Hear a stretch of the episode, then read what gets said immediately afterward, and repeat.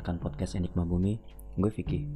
Di episode ini gue akan berbicara tentang kejadian dan fenomena-fenomena unik di luar nalar dan logika. Dan malam ini kita akan membahas tentang Junko Furuta. Gadis Jepang ini mengalami kejadian yang begitu mengerikan yang berujung pada kematian. Bagaimana kisahnya? Selamat mendengarkan kawan-kawan dan inilah podcast Enigma Bumi. Furuta Junko lahir 22 November 1972 meninggal 4 Januari 1989 pada umur 16 tahun adalah seorang siswa SMA Jepang berusia 16 tahun yang diculik, diperkosa, dan dibunuh pada akhir tahun 1980-an. Kasus pembunuhannya dinamai kasus pembunuhan gadis SMA terbungkus semen. Ya, karena jenazahnya ditemukan dalam sebuah drum beton yang diisi dengan 208 liter semen. Gokil ya. Junko Furuta sama seperti gadis lainnya. Ia seorang pribadi yang ceria, bersahaja, dan sangat baik. Junko adalah siswi dan sekolah menengah Misato di Saitama Prefecture, Jepang. Ia adalah seorang remaja yang cantik, tidak seperti remaja lainnya. Junko tidak pernah merokok atau meminum minuman keras jadi gadis baik-baik gitu guys. Junko sangat terlihat tidak menarik di mata para remaja gangster saat itu. Namun Hiroshi Miyano menaruh hati padanya. Hiroshi memang tidak pernah menginginkan hubungan yang sesungguhnya. Ia hanya ingin bersenang-senang dan mencicipi Junko. Hiroshi biasa melakukan kekerasan di sekolahnya. Dan ia adalah salah satu generasi muda dari Yakuza. Jadi Yakuza itu adalah sebutan untuk uh, gangster di Jepang gitu udah terkenal banget sih. Orang orang-orang pada takut gitu deh sama Yakuza soalnya mereka itu organisasi besar juga di sana. Tidak ada yang berani menolaknya tapi Junko dengan berani mengatakan tidak dan inilah awal dari mimpi buruk. Mimpi terburuk yang mungkin dapat terjadi pada seorang wanita atau bahkan manusia. Jadi pada 25 November 1988 Junko diculik oleh empat orang remaja sepulang dari pekerjaan sambilannya. Oh jadi dia sekolah juga sambil kerja guys. Ini bagus juga sih. Salah seorang dari remaja itu adalah Hiroshi. Ini tadi anggota Yakuza itu nih yang ditolak. Dan inilah awal mula dari mimpi buruk yang berlangsung selama 44 hari dan Junko harus menghadapinya seorang diri. Selama 44 hari Junko harus melewati penyiksaan paling kejam yang mungkin pernah terjadi pada seorang wanita Penyiksaan yang tidak pantas dilakukan siapa pun terhadap seseorang terkadang hal buruk selalu terjadi kepada orang baik dan Junko adalah salah satunya. Selama masa penculikan, Junko dipaksa menelpon orang tuanya dan mengatakan bahwa ia lari dari rumah lalu tinggal bersama temannya. Jadi waktu hari penculikan itu sebenarnya orang tuanya Junko itu udah udah khawatir gitu.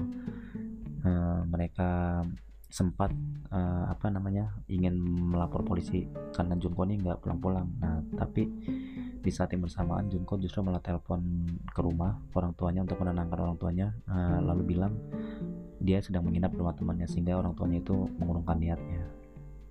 Ia dipaksa memberitahu orang tuanya jika ia dalam keadaan baik-baik aja dan para penyekap Junko melakukan ini agar polisi tidak melakukan pencarian pasca menghilangnya Junko. Orang tua dari Nobuharu Minato, pemuda yang rumahnya digunakan untuk menyekap Junko hanya datang beberapa kali dalam sebulan. Jadi ini orang tuanya nih ini juga apa namanya jarang di rumah gitu guys. Hanya beberapa kali dia datang dalam sebulan. Ketika orang tua Nobuharu datang, Nobuharu ini berarti punya rumah ya, rumah penyekap ya gitu. Temennya si yang tadi Yakuza itu siapa namanya? Temannya si Hiroshi yang anggota Yakuza muda itu. Pemuda yang rumahnya digunakan untuk menyekap Junko hanya datang beberapa kali dalam sebulan orang tuanya.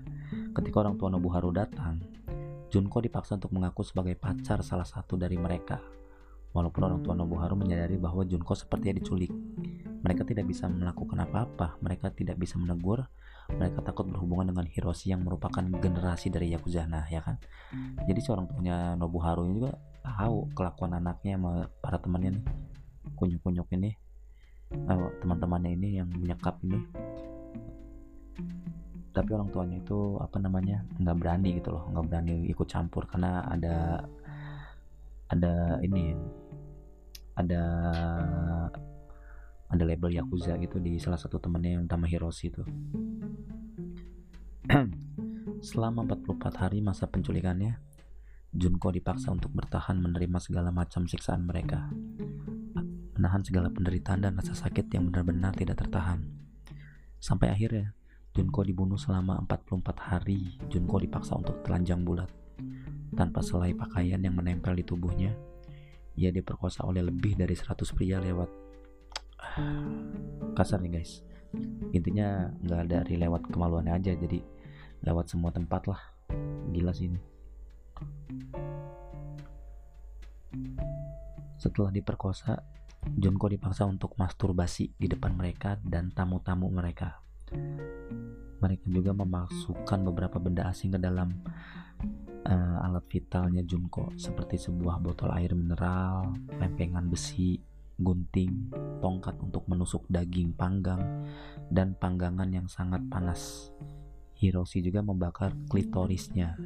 Klitoris itu kalau dari Wikipedia sih kayak semacam kemaluan wanita tapi bibirnya gitu deh, pinggirannya gitu, bagian dalam.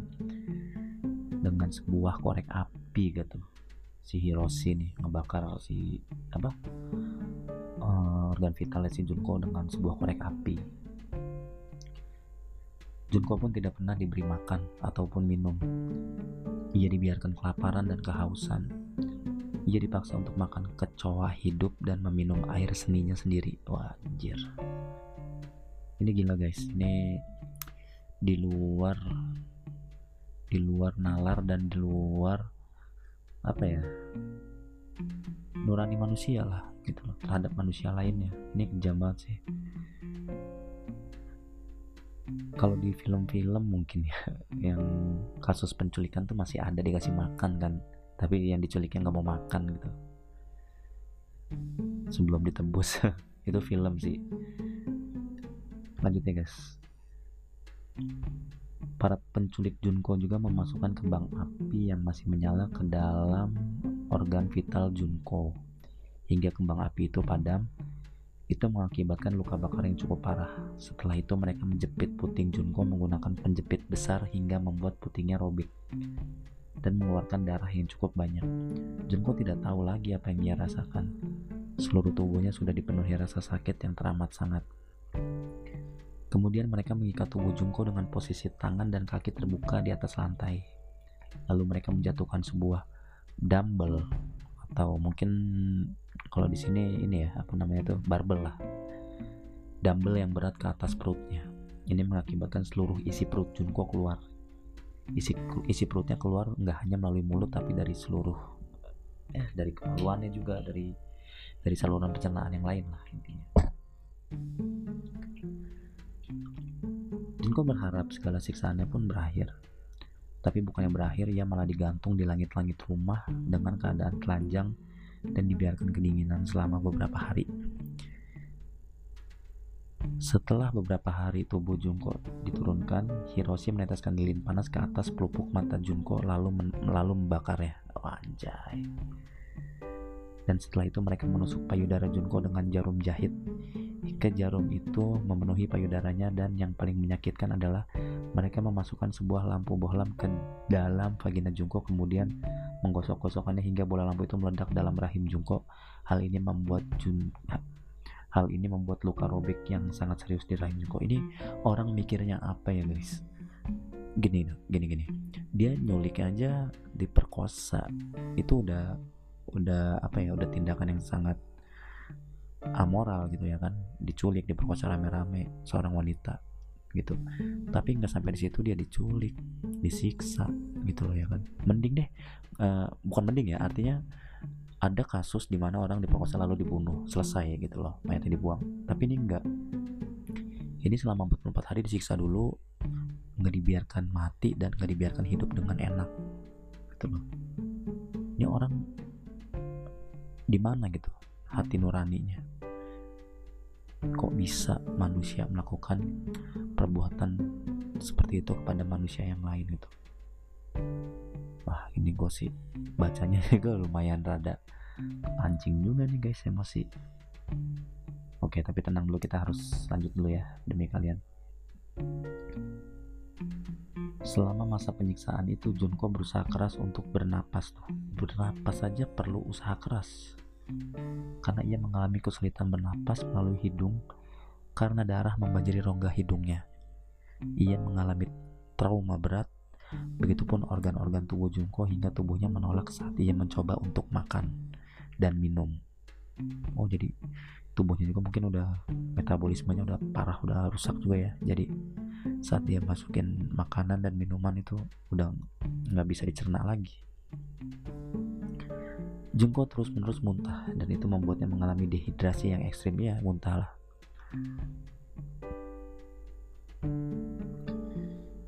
Tidak cukup sampai di situ itu juga membuat penyekapnya kembali menyiksanya dan melayangkan beberapa pukulan ke wajahnya yang sudah membiru bahkan menghitam karena muntahnya itu mengotori karpet. Gila gak? orang muntah kita takut. Muntah darah kita takut. Kita obatin. Yang kotor kita lap. Ini enggak dibugin lagi rame-rame. Cuma gara-gara kotor. Ini kecil sih orang saat orang-orang yang menyandarnya sedang beristirahat minum-minum, Junko berusaha untuk menghubungi polisi. Tapi aksinya itu tertangkap dan membuatnya harus merasakan hukuman atas percobaan melarikan diri. Mereka menyiram kaki Junko dengan bensin dan membakarnya, membuat seluruh kulit kakinya melepuh. Mereka juga memasukkan sebuah botol besar ke dalam anusnya, menyebabkan pendarahan hebat di bagian dalamnya. Dengan kaki yang terbakar dan luka-luka yang memenuhi tubuhnya, ia tidak lagi bisa berjalan, bahkan tangannya pun tidak bisa menggenggam apa pun. Seluruh tulang di tubuhnya patah karena pukulan yang bertubi-tubi. Karena saat itu sedang musim dingin, Jungko dipaksa untuk tidur di teras rumah dengan suhu dingin yang ekstrim. Dengan segala luka bakarnya sebenarnya bisa nih kabur ya kan teras rumah cuman karena mungkin udah terlalu lemah kan udah nggak bisa lagi udah pendarahan juga di mana-mana patah tulang dan pendarahan akibat benda-benda asing yang dimasukkan ke tubuhnya Jungko hanya bisa merangkak. Dia harus menghabiskan satu jam untuk merangkak ke kamar mandi. Pedang telinga Jungko pecah dan ukuran otaknya pun menyusut. Kok bisa ya menyusut? Nanti kita cari deh guys. Di hari ke-43 Jungko sudah tidak tahan dengan rasa sakit yang ia rasakan di seluruh tubuhnya. Bahkan ia meminta dibunuh aja dan menyelesaikan seluruh rasa sakitnya. Ya berharap diakhiri saja ya. Tapi para penculiknya tidak menyetujui keinginan Junko. Mereka pun tidak mau membunuh Junko. Sebuah permintaan yang paling buruk yang pernah terucap dari mulut manusia. Pada 4 Januari 1989, para penculik Junko mengajaknya bermain mahjong. Jadi si Junko diajak main mahjong ya dan tanpa diduga Junko memenangkan permainan. Tapi kemenangannya justru membawa petaka baginya. Para penculik Junko geram karena kemenangannya. Mereka memukulinya lagi dengan barbel besi dan membakar kaki, tangan, perut, dan wajahnya. Setelah menyiraminya dengan bensin, aduh kenapa dimenangin ya? Kalah aja sih harusnya. Tapi nggak tahu juga ya namanya main kan. Dia juga nggak tahu bakal menang mungkin seluruh tubuh Jungko sudah dipenuhi luka bakar, lebam, dan pendarahan yang sudah sangat parah. Ia juga mengalami dehidrasi yang lebih hebat. Seluruh organ tubuhnya mengalami shock hingga akhirnya Junko meninggal keesokan harinya. Para penculik memasukkan tubuh Junko ke dalam sebuah drum besar, lalu mengisinya dengan 55 galon semen. Setelah itu mereka membuang drum itu di Koto, Tokyo. Jengko akhirnya harus menyerah. Ia meregang nyawa dengan tubuh yang hancur. Ia harus menyerah setelah dikepung dengan rasa sakit yang meremukkan. Ia tidak punya pilihan. Ia mati di tangan manusia-manusia yang tidak terlihat seperti manusia. Seorang gadis 16 tahun yang mungkin masih mempunyai masa depan yang membentang. Ia harus rela meninggalkan semuanya, masa depannya, keluarganya, dan cinta yang mungkin menunggunya. Mungkin. Oke guys, jadi itu uh, kejadian yang dialami oleh Junko Furuta.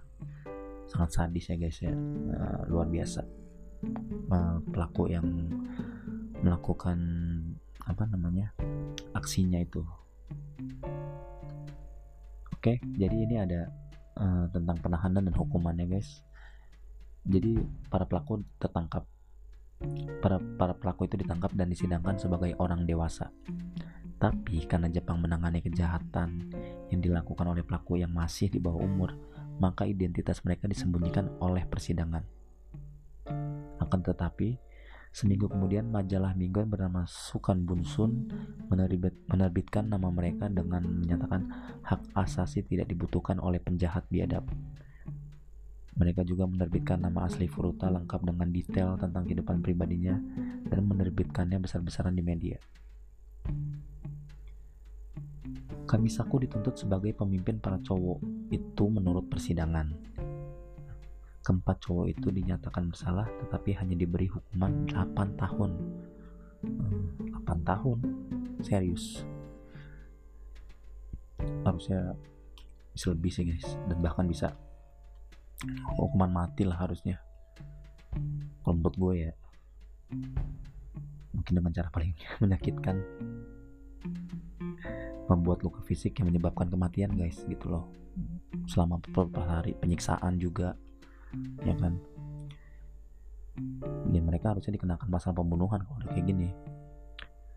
Orang tua cowok salah satu pelaku menjual rumah mereka dengan harga maksimum 50 juta yen atau 5 miliar rupiah dan membayarnya sebagai kompensasi untuk keluarga Furuta. Hmm, jadi mereka memberikan kompensasi ya memberikan apa namanya sumbangan ke keluarga. Namun penderitaan keluarga Fruta tidak sebanding dengan harga berapapun. Ya yeah, nggak sebanding lah dengan penyiksaan yang mereka lakukan itu.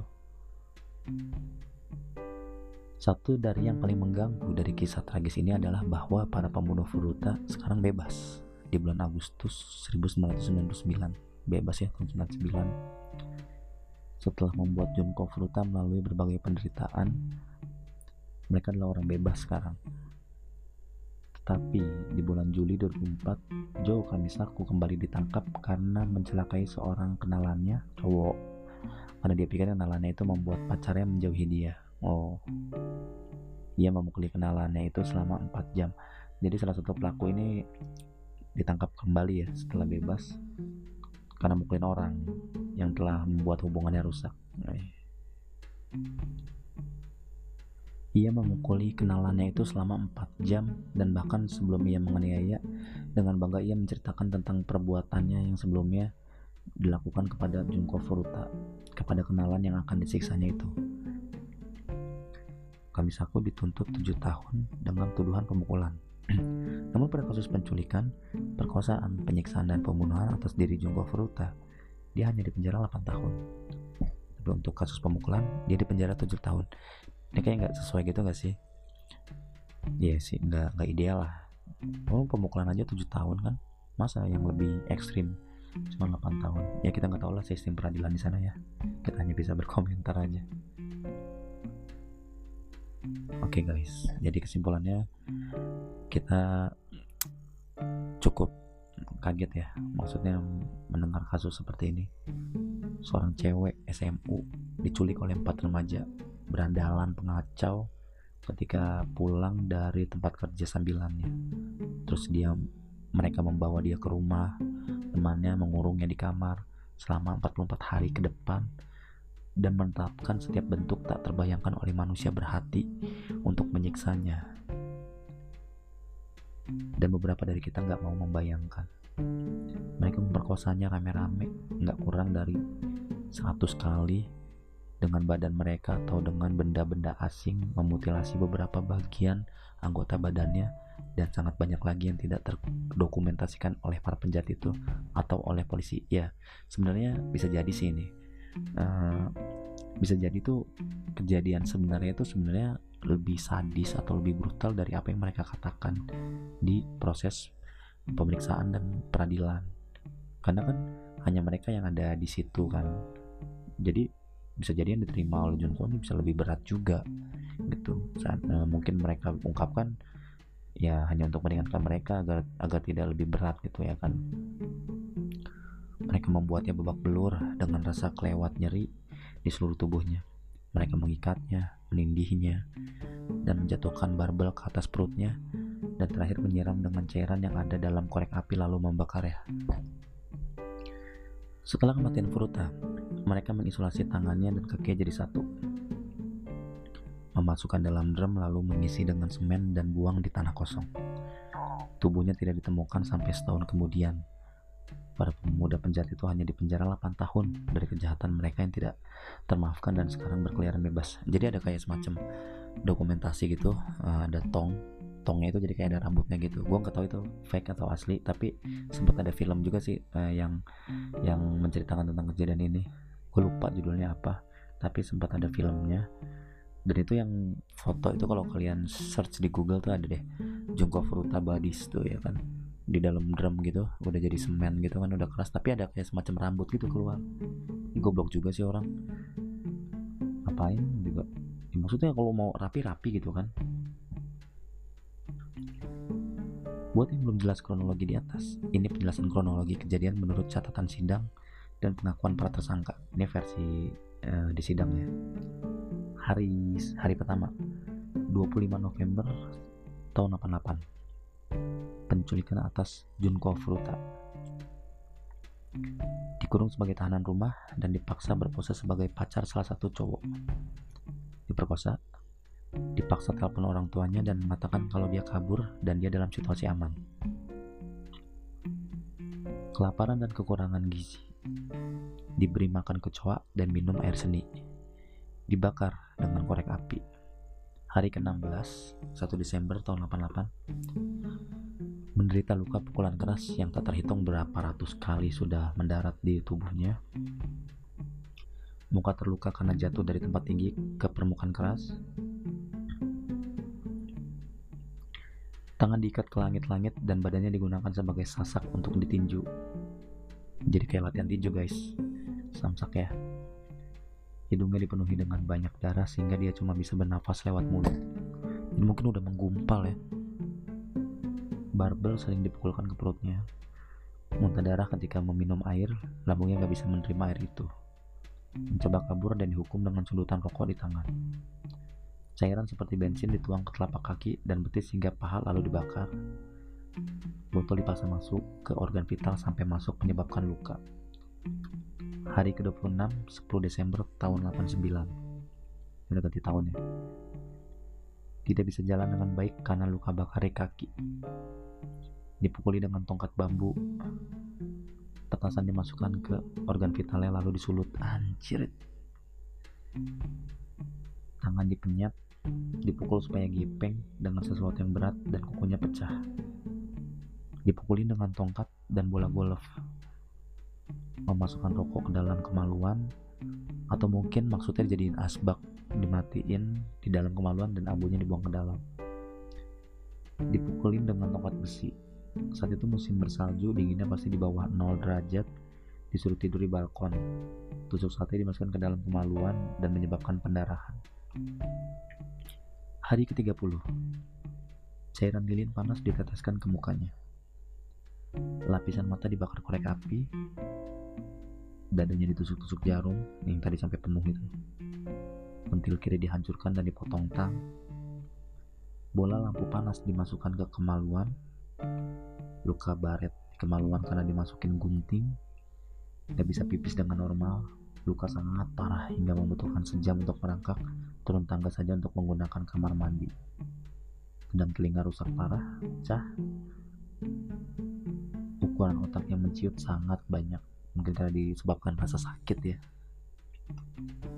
Hari ke-40 memohon sama para penyiksa untuk membunuhnya saja.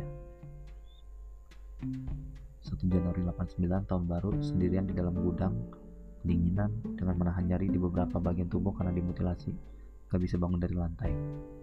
Hari ke-44 para cowok itu menyiksa badannya yang termutilasi dengan barbel besi dengan menggunakan alasan kalah main mahyong Ruta mengalami pendarahan hidung dan mulut. Mereka menyiram mukanya dan matanya dengan cairan lilin yang dibakar. Cairan korek api dituang ke kaki, ke tangan, ke muka, ke perut, dan dibakar. penyiksaan akhir ini berlangsung sekitar 2 jam non-stop ini yang terakhir ya Jungka Fruta meninggal hari itu dalam rasa nyeri sakit dan sendirian gak ada yang bisa ngalahin 44 hari penderitaan yang udah dia alamin hari ke-45 besoknya mengisolasi mayat Fruta tangannya dan kakinya jadi satu. Memasukkan dalam drum lalu mengisinya dengan semen dan buang di tanah kosong.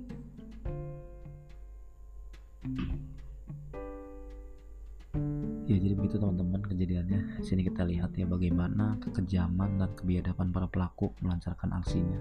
Sebenarnya kejadian ini emang kejam dan di luar nurani manusia untuk bisa sampai ke titik melakukannya cuma bukan itu aja sih yang bikin gue rada speechless ya. Maksud gue ini kan kejadian luar biasa sadis kan. Itu bikin gue agak bingung tuh dan keganggu banget itu. Kok bisa-bisanya para pelaku ini gak, gak merasa bersalah dan bahkan malah bangga gitu. Ini kan bahaya banget ya. Psikopat banget gak sih? Dan ada kemungkinan akan bisa dan ada kemungkinan akan bisa mencelakakan orang lain di luar sana selama psikologisnya ini masih cacat kayak gitu. Harusnya kayak gini-gini nih emang mau dikasih hidup sih menurut gue ya gitu. Karena ada kars buat mengulangi perbuatannya gitu. Karena mereka tuh kayak kayak happy gitu melakukannya. Kayak nggak ada beban aja gitu sampai diakui lah bangga lah gitu kan. Ya mudah-mudahan untuk keluarga Junko Furuta diberikan kesabaran lah dan untuk para pelaku semoga dapat ganjaran yang setimpal atas perbuatan yang mereka lakukan terhadap Junko Furuta ya. Oke teman-teman jadi segitu aja buat episode kali ini. Oh iya. Ada satu lagi nih fakta terakhir yang terungkap di persidangan yang diakui oleh para pelaku menjelang kematian Furuta. Jadi pada saat penyiksaan terakhir, lebih dari yang Furuta sanggup menahannya, pada akhirnya dia meninggal dunia. Ketika para cowok itu ditanyai oleh majelis hakim, kenapa mereka tuh diem aja pada detik-detik menjelang kematian Furuta? Terus mereka dengan entengnya hanya menjawab, kami kira dia hanya pura-pura mati.